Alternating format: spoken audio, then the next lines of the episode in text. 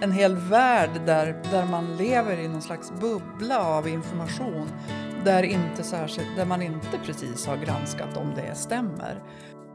Jag tror att framtiden är väldigt ljus. Men jag tror samtidigt att framtiden har en hel del problem att brottas med. Mycket skit man får i sociala medier så fort man gör någonting. Du lyssnar på Angeläget, en samtalspodd från Svenska kyrkan i Umeå med Lena Fageus och gäster.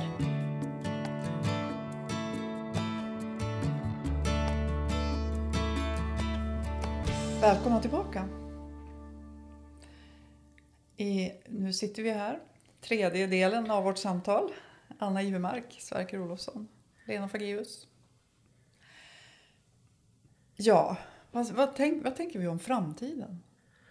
Jag tycker det är en otroligt svår fråga. Jag tänker att du börjar, eh, Sverker. Vad tänker vi om framtiden? Ja, men alltså, om man tittar, jag vet inte vad du menar med framtid, men om du menar framtiden inom medierna mm. så tror jag jag, jag verkligen frågan är svår, därför att jag tycker att den, jag tror att framtiden är väldigt ljus. Men jag tror samtidigt att framtiden har en hel del problem att brottas med. Så, så, så skulle man kunna samma. Men, men det ljusa det består ju att journalistiken blir ju på många sätt bättre och bättre. Jag menar, jag menar, tänk på alla avslöjanden som görs i de här paradprogrammen vi har haft inom Sveriges Television som Uppdrag granskning och sånt där. Och jag menar, tänk om vi inte fick veta det, hur skulle samhället kunna se ut då? Samtidigt tycker jag liksom att det finns en väl, det finns två tendenser i journalistiken som jag eh, tycker illa om. Den ena det är att det finns någon form av det finns någon form av eh, cynism i samhällsutvecklingen. Jag tycker också att det följer med, med i journalistiken någon form av eh, ja, jag vet inte sjutton vad jag ska... Men alltså det finns någonting cyniskt över att inte bevaka de här svårigheterna som vi har i samhället nu som har med ekonomin att göra, utnyttjandet av människor. Men jag menar, till exempel Alltså rent journalistiskt nu så, det är ju knappt att vi ryggar när partier föreslår att vi ska börja göra någon form av screening av ADHD, vi ska dra ner på bistånd, vi låter bensinpriserna braka iväg så vi vinner röster. Det är liksom fullständigt moral. Där skulle förresten kyrkan kunna hosta upp sig så man får höra någon form av reaktion därifrån någon gång. Det är den ena delen, den här, den här cyniska utvecklingen som jag tycker man ser. Och den andra delen som jag tycker har varit ett problem väldigt länge och som jag egentligen inte tycker att jag ser någon förbättring i. Det är alltså vem som har makten över opinionsbildningen. Och jag kan lugnt säga det att bor man i Vännäsby eller Sorsele eller i Pajala då har man väldigt lite inflytande över opinionsbildningen. Och ska du ha inflytande över opinionsbildningen då ska du helst bo i Stockholm och det bästa är om det inte är mer än 5 kilometer från radio och tv-huset de stora drakarna så att det är hyfsat billigt att åka taxi in så att säga. För, för det är där besluten fattas. Det det. Och jag menar utan tvekan så här, om vi nu skulle göra en slut, om vi skulle analysera valrörelsen innan den har börjat så tror jag att det kommer att bli ett relativt litet antal människors frågor, åsikter, funderingar, ansikten, röster som kommer att styra valrörelsen. Och inte din Lena, fast du är kyrkoherde för hela Umeå. Och ännu mindre Agda i Sorsele kommer att ha något större inflytande. Mm. Och sen är det väldigt mycket journalister som intervjuar andra journalister. Ja, det tycker det jag är en tydlig ja, grej som vi har sett de mm. senaste... Men nu vi får passa oss för att vara negativ, för journalistiken är också väldigt bra. Alltså den är väldigt, väldigt bra journalistik. Men, Men vad handlar det där om då? Varför är det på det där sättet? Att det blir liksom så smalt? Ja, men alltså om du tänker efter själv. Du bor, du bor eh, en halv mil utanför Umeå. Och jag menar, det är klart, när du kommer på jobbet, då berättar du om bilköerna du hade in och du berättar om den här vägen. Jag cyklar. Ja, men okej, okay, då berättar de där det asfalteras om och huset som byggdes. Det är ju din värld. Och din värld, den är ju rätt. Den, den är ju rätt. Men din värld är ju inte den värld man har i Simrishamn i Skåne. Det, det är ju lite det det handlar om, så att säga. Jag, jag, skrev en artikel en gång som jag var väldigt belåten med måste jag säga. Och det, jag, jag, rubriken var Varför vet jag så mycket om Slussen? Och då hävdade jag liksom Slussen, det är liksom en, ja, men det är en trafikplats i Stockholm på samma sätt som vi har en och annan trafikplats i både Umeå och Luleå, men jag vet ingenting om dem. Och det beror naturligtvis på att den verklighet de människor har som styr medierna centralt ifrån, de upplever Slussen, men inte jag. Och egentligen skiter jag i Slussen, uppriktigt sagt. Förutom att jag naturligtvis önskar att mina alla mina medmänniskor i Stockholm ska ha en bra trafikplats. Jag är inte missunnsam, men ni förstår vad jag menar. Men, men det är väl också det här med vad är epicentrum? Alltså vad är mitt centrum? Och tror man att det centrumet är alla andra centrum? Det är väl så man mycket... Ja, är alltså, jag är ju där, jag bor ju nära Slussen.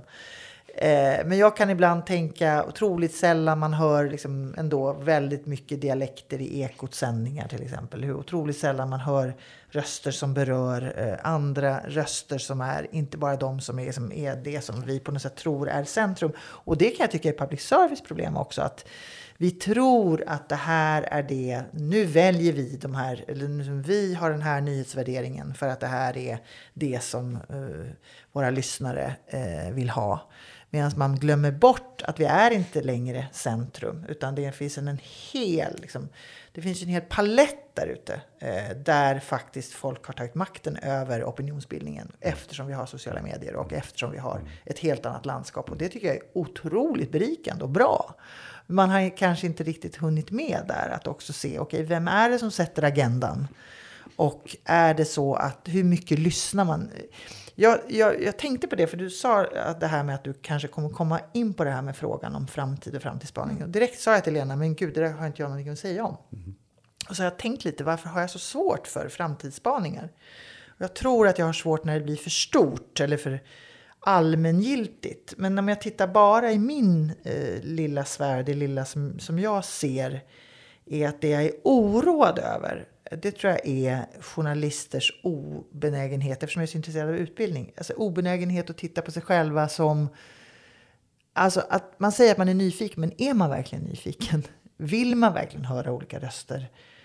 Och hur mycket vill man titta på sin egen utveckling? Jag är 55. Jag vet att utbilda folk över 50 är jättesvårt för man har så svårt att ändra beteenden.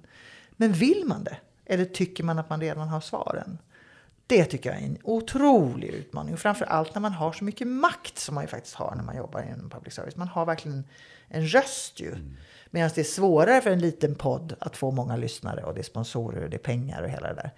Och någonstans tror jag inte alltid man ser det. Man ser inte, eller man tänker en landsortstidning som behöver otroligt mycket annonsörer som man inte har längre. Man har en enorm makt utan att man kanske har ödmjukheten att förvalta den makten. Det tänker jag mycket på. Så tänker jag väldigt mycket på eftersom jag jobbat inom Sveriges Radio med kompetensutveckling de senaste fem sex åren. Vilka vill komma på kurs? Jo, det är de som vill ta en liten paus. Det är inte så, här så att jag på riktigt vill utvecklas eller se att lärande tycker jag är det som är det absolut viktigaste. Och det, det tittar man inte på. Vad är att lära sig? Vad är att uh, utvecklas? Vad är att se att jag är ganska liten egentligen i det stora hela? Liksom? Och det där gäller ju egentligen överhuvudtaget. Vilken blick har du också när du intervjuar? Så det går liksom lite ihop. Är ni med mig eller låter det här flummigt? Ja, men, men, men alltså det är ju också så att journalistik handlar ju väldigt mycket också att, att, eller det handlar, men egentligen blir det väldigt lätt att man, att man, man, man bygger journalistiken på sina egna värderingar. Och då är det ju inte så att man bygger på journalistiken så om jag är eh, liberal så gör jag liberala inslag. Men andra värderingar följer naturligtvis med. Jag tänkte på det för, ja, det var, för, det var för inte fullt ett år sedan. Då var det väldigt mycket resonemang om problemen med förlossningar här i Västerbotten. Bland annat så var det planer på att man skulle eventuellt vara tvungen att stänga förlossningen i, Bju, förlåt, i, i Lycksele. Och då gjorde en av Sveriges riktigt stora pappersdrakar en hedervärd insats. De besökte en gravid mamma uppe i Tärnatrakten. Och hon var i slut, så vitt jag förstår av artikeln, och det, jag blev aldrig motsagd när jag skrev om det, så var hon i slutskedet av sin graviditet. Och då när, när, man, när man då tar en bild av den här gravida mamman som är orolig att hon inte ska få förlösa i Lycksele utan måste åka vidare i 15 mil till Umeå eller Skellefteå. Då, då, då, då kommer liksom då kommer den här fördomen in. Tärna, vad är Tärna? Jo, Tärna det är inget jävla normalt samhälle utan det är bara vackert, det är fjäll. Och så sätter man den här gravida mamman högt uppe på kalfjället, ensam i bild. Förstår ni? va? Och då menar jag så här, vilken gravid mamma sitter i slutskedet av sin förlossning uppe på fjällsluttningen? Det gör man ju inte. Nej. Utan hon skulle Det är. Och dessutom var det en ung, vacker, fräsch, till synes bildmässigt oerhört smart dam. Hon skulle förmodligen sitta i köket hemma eller i någonting sånt, men det gör man inte. Och det är precis, nu, nu går jag lite längre än vad som är berättigat, men låt oss säga att en reporter skulle få ett uppdrag att göra en intervju om någonting som har med EU att göra. En kort intervju där man går ut och frågar folk. Och så besöker man vi säger Sorsele, det kan vara, det kan vara Storuman också. Och säg att man då, jag tror inte någon här skulle reagera speciellt mycket om man ställer den frågan till en farbror i min ålder som sitter på en gulblå Ockelbo-skoter har en skinnmössa och möjligen till och med lite snuten. Det skulle ingen bli särskilt förvånad över. Men skulle du se den personen på Hötorget i Stockholm på skotern med skinnmössa. Då skulle du tänka, vad är det för fel på den reportern? Men, men det är som att i bevakningen så är det inte alltid, men ofta så. Det finns inte en medelålders, snygg, rapp, frän folkskollärare eller expedit eller kassörska eller kassör i inlandet. Utan det är alltid Ja, det är schabloner. Det är schabloner som, som mm. också ska... Det är ju farligt att säga sånt här, ja. för schablonerna ska också komma till tals. Mm. Men man måste visa på mångfalden. Mm. Men sen tänker jag på en sak, för att inte låta som en dysterkvist. Jag tänker också på en enorm kvalitet som finns inom, om jag då ska slå slag för verkligen public service. Mm. Där det finns, jag brukar säga det till mina barn som är 20 och 15 år. När det är så här, men, nej, men vi kollar nu på, alltså, alltså gå till de här traditionella medierna. Det är nästan alltid kvalitetsproduktioner. Det är dokumentärer, det är berättelser gjorda med kvalitet. Och det tycker jag, om jag ska verkligen tycka något här, så önskar jag att man kunde lita på det innanför public service mediehus och lita på att kvalitet bär. Håller, ja. Ja. Och att lita på att det är ja. vår unique selling point. Att liksom, när jag går till det här trovärdiga mediet så, så, så får jag något som är det är fördjupningar och faktiskt också en kompetens som, som vi har. Och lita på det, inte bara titta på nej men nu dyker lyssningen här efter tio minuter, vi, vi lägger ner det här programmet. När man inte behöver det eftersom man har licenspengar. Pengar. Där kan jag känna liksom att var inte så ängsliga utan liksom lita på Nej, det håll, som är bra. Och man ser ju det med alla, men nu blir det fler och fler eh, dokumentärer som, som görs på annat håll än eh, inom public service. För att det är dyra produktioner, det kostar otroligt mycket pengar. Men mm. folk vill ju ha dem. Alltså mm. de berättelserna som är där det är fler perspektiv, där det är liksom berättar, flera olika röster som inte bara är krim, som inte bara är det här som liksom är lätt att sälja. Eller de här poddarna då, där man bara ba, ba, ba, ba, och sitter i flera timmar och babblar utan någon linje, utan några frågeställningar. Pratar om oss? Jag pratar om oss! Jag menar, det finns, och man är enormt, jag är enormt kräsen. Jag bara, som jag sommarpratar ja, ja, ja. och jag bara efter, efter bara tre minuter, boff, det där vill jag inte mm. lyssna på om det inte är välproducerat eller bra. Eller om någon har någonting verkligen att berätta. Mm. För det är sånt himla himla brus idag. Mm. Och det finns, jag brukar... Man måste verkligen nå in om man ska nå in. Och samtidigt så eh, måste det vara värt, tänker jag i alla fall. Tiden, eller? Ja men, det måste, ja, men det måste också vara värt, även om det inte är superjättemånga som lyssnar. Att Nej. få fortsätta även om det är ett smalt program. Exakt, verkligen. För jag tänker att det, alltså det är ju, ja men det kan jag vara orolig för. Att det bara blir hallaballa eh, kuliga program. Men, men liksom. om du är mån Fast vi är ju så påpassade nu. Så att ja. nu är det ju verkligen, det kan jag ju känna en rädsla för. Alltså en enorm, alltså in, nu, eh, alltså många av de, många av de politiska reportrar som jag har haft inbjudna på mina kurser som berättare också som lever, för jag jobbar inte inom den politiska journalistiken, men hur extremt påpassad man är, mycket skit man får i sociala mm. medier så fort man gör någonting, vilket gör Apropå att andra, andras blick dömer en, apropå att få dåligt självförtroende, apropå att inte driva sina frågor för att man är bara på, på, på. Mm. Och så många som faktiskt vill ha bort public service. Det kan jag känna mig men, men, men samtidigt ska man ju vara medveten om att vi har ju fortfarande en, så vitt jag förstår, ganska så tydlig politisk majoritet som verkligen värnar public service. Och det, det, är ju, för jag menar public service det är ju ett villkor för en god journalistik. För jag menar samtidigt som jag kritiserar det här med eh, den centrala blicken på landet så ska vi vara medvetna om att public service har satt till till exempel en reporter i Dorotea. Så jag menar man måste ju peka på de positiva sidorna också. Och, och jag, tycker att, jag tycker att public service har extremt goda förutsättningar. Jag tycker att public service har ett politiskt stöd. Sen är det förstås också upp till public service att svara med god kvalitet. Att svara med god kvalitet, måste jag ju säga. Ja. Men det är klart att ibland kan man väl känna liksom att alltså kritiken mot public service är ju ofta det här att det här programmet är inget för public service, det ska vara på den kommersiella sidan. Något, vadå, ja. något, uh, men, och, nöjes, men då menar jag liksom att, random nöjesprogram. Ja, men det, det, är klart att det finns väl en del program man kan tänka sig. Sveriges Television där de kunde vara lite taktiskt. Måste ni visa, är det nödvändigt att köra här mitt i den här debatten kan man ju tycka. Men, men det är lätt att sitta här och döma naturligtvis. Mm. Så är det. Men ni var, alltså, i en tråd under det här samtalet så, så kom också det där med ja, men, allt som produceras utanför Ja. eh, public service. Och som, eh, som också blir... Ja, men, jag tror att folk generellt litar ju verkligen på att det här är korrekta uppgifter och man, medierna granskar sig själv. Och, alltså att det finns en slags... Ja, men vi, vi släpper inte ut det som inte är korrekt. Nej, men så är det ju.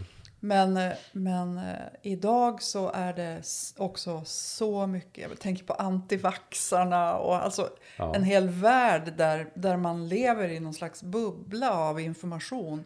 Där, inte särskilt, där man inte precis har granskat om det Mm. stämmer. Och det kan, kan jag i alla fall tycka är lite läskigt. Det Att har du det finns- anledning att tycka, tror jag. Ja, Faktiskt. att det finns någon... Man alltså, bara, finns, man bara får bekräftelse på det som redan är ens egen världsbild. Ja. Man utmanar inte den världsbilden. Och, Men samtidigt du kan säga så här också. Jag, jag har varit väldigt fundersam på det här. Men jag verkar att yngre människor inte har en tidning.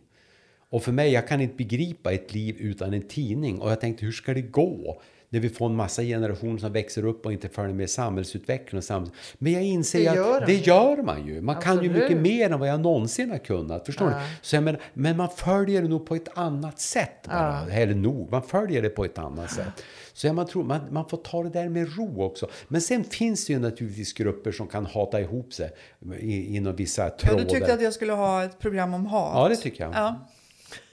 Jag ska ta den Var, tråden. varför vill du det? Ja, men jag tycker att det är så fruktansvärt missbrukat jord. Och jag, jag brukar fundera, ja men nu kommer vi in på ett helt annat spår. Så jag, jag undrar om vi ska ge oss in på det. Nej, vi Nej, vi, vi skippar det. Vi skippar det där. Vi ser fram emot ett, en podd om hat. Ja. Men det är ändå så att i vissa grupper så blir det hatiskt. Ja, det, blir, Är det det, blir, jo, det är vissa, och, och, och det är väldigt obehagligt. Jag, jag, jag får berätta en liten rolig anekdot som gjorde mig lite, att jag fick en tankeställare. Jag har ju haft det nästan osannolikt stora nöjet att sen jag blev pensionär få köra Ring Peter ibland. Och där vid något tillfälle så fick jag ett brev som var så det makalöst eh, ja men hatiskt. Alltså det var ingen hejd. Och jag läste igenom det och som vanligt, jag bara stoppade. Jag, jag bryr mig, jag, uppriktigt sagt bryr jag mig inte om sånt. Men min eh, kollega där, Peter Öber heter han, han var producent för det här programmet. Han tyckte, han tyckte det var oschysst att de kunde skriva så dumma saker om mig. Så han skrev ett svar till den här människan, till den här hataren. Och det var väldigt intressant. För det kom nästan, om jag förstod Peter rätt, med vändande post ett svar från en kille. Och han bad om ursäkt. Och det var verkligen inte meningen. Och jag hoppas han inte är ledsen. Förstår? Alltså det var verkligen en totalbackning genom att få ett svar. Och jag vet inte vad man ska dra för slutsats av det där. Men jag tänkte så här.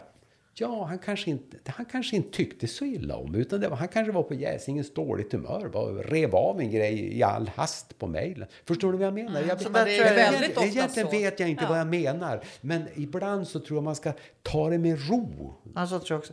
Men, men, men eh, absolut, jag tror att man sitter där i sitt lilla. Jag tycker att det är otroligt spännande. Det är några dokumentärer, det är en som heter tror jag, Svart Lucia. Där, där är Måns Mosesson som har gjort otroligt Ja. spännande. Han går tillbaka, han, han följer de här som sitter i mörka rum och skriver hatkommentarer. Vilka är de? Och vad är det, apropå drivkrafter, vad drivs man av? Eller vad, är, vad fyller det för funktion? Vad är det för, vad är Vad är det för människa? Ja, vad är det för, vad är det för ja. utlopp? Men en sak som du sa i början, en tråd, eh, som jag bara, som där du sa i början att jag numera så är jag pensionär och det är egentligen ingenting som jag gillar och, och Jag gillar inte uttrycket. Nej, just det. För vad är det eh, du menar att man säger om man säger att du är pensionär? Liksom? Ja, men är- pensionär, det är ju, vad är det? Alltså, nu kommer vi in ytterligare på ett nytt, men pension, det är som att prata, alltså om jag skulle överdriva, men så ni förstår, det är som att prata om invandrare, som om att, jag menar, man, man är ju inte invandrare, man är ju kanske libanes eller amerikan eller norrman. Och det är likadant med pensionär. Vad, vad ligger i begreppet pensionär? Jo, det ligger liksom att man har slutat arbeta, man har pension, man tycker det är skönt att ta det lugnt, man har gott om tid, man gör inte särskilt mycket nytta och så vidare. Och så. Man, man tär på samhällets sjukvårdsresurser. Men pensionärer är ju så mycket mer. Det kan vara sjuka människor, glada människor, män, kvinnor, vitala människor, föreningsmänniskor. Förstår ni? Ja, Alltså, men, det är, alltså det, och, men det sitter väl ihop med att vi hela tiden definieras utifrån vårt yrke. Ja, men, Ja, ja, ja. ja, man gör det. Man gör hur det. gör man när man presenterar sig? Man säger Ja, vad, vad man jobbar Ja. med eller man frågar vad jobbar du Ja, med? men så gör man. Så gör man. Eh, och, det- så att det är också, vi kanske skulle ändra det där och, och börja Ja, men det är sant. ställa andra Verkligen. frågor eller presentera sig på något annat. Mm, ja, men där är jag. Och inte alls nämna yrket. Nej, det är en väg att gå. Precis, det är en väg Det- att gå. För då, då blir det ointressant om, Mm. om man är pensionär. Ja, precis. Ja, ja, verkligen. Nej men det är någonting med hur vi definierar Ja. oss själva. Och, Och sen är det den här otroliga, jag tycker att det är, jag tycker det är väldigt, jag har tänkt jättemycket på det senaste tiden för jag har varit tjänstledig från Sveriges Radio och har bara jobbat i egen, eh, egen firma det sista året och funderat otroligt mycket på sådär. Jag är 55 år gammal, jag har 10 år kvar innan jag blir pensionär. Eh, vad är min plats nu och är jag eftertraktad som kvinna överhuvudtaget? Hur ser man på professionalism när man är... Alltså jag, jag har, det här kanske låter jättefördomsfullt men jag tror att man, man hyllar män mer som är äldre än kvinnor som är äldre. Jag vet inte om du håller med Lena. Absolut. Men det är väldigt sådär...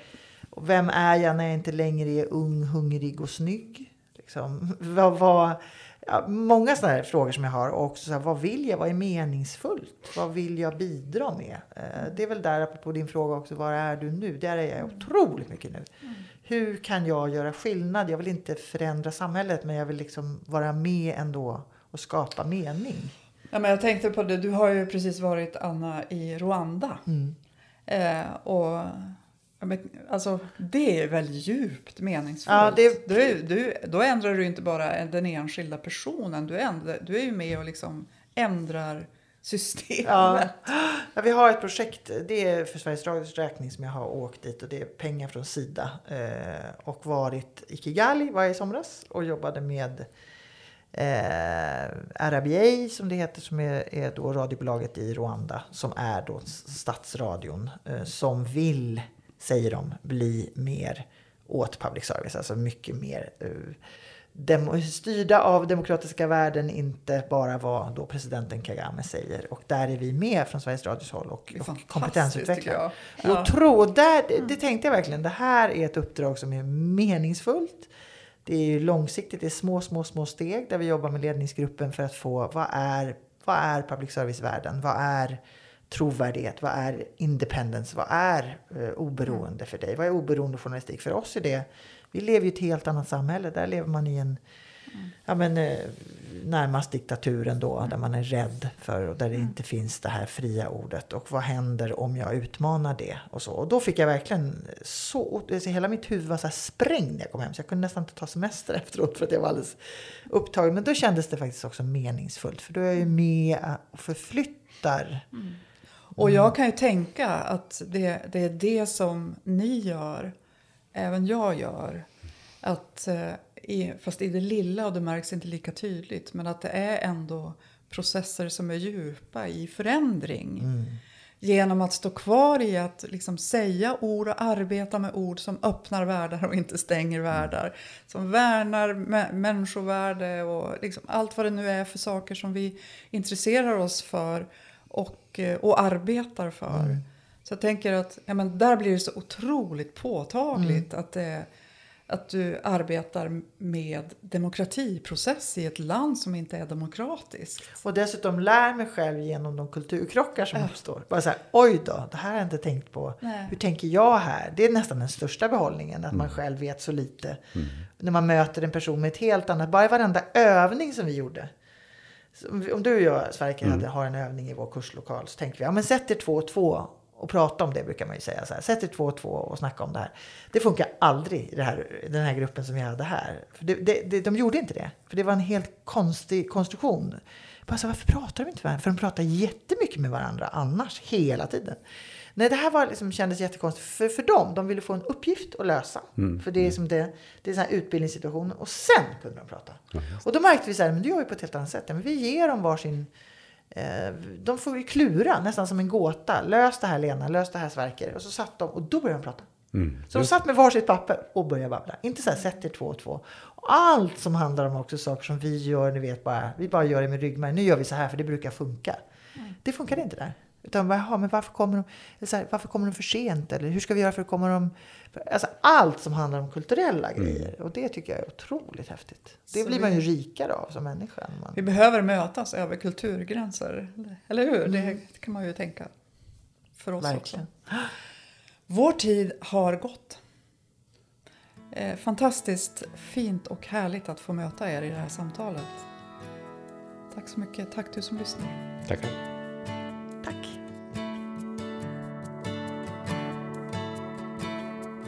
Du har hört Angeläget, en podd med Lena Fageus och gäster.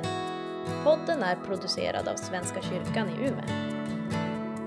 Vill du fortsätta samtalet når du oss på Svenska kyrkan i Umeås Facebook eller via mail till umea.kommunikation.svenskakyrkan.se. Tack för att du lyssnat.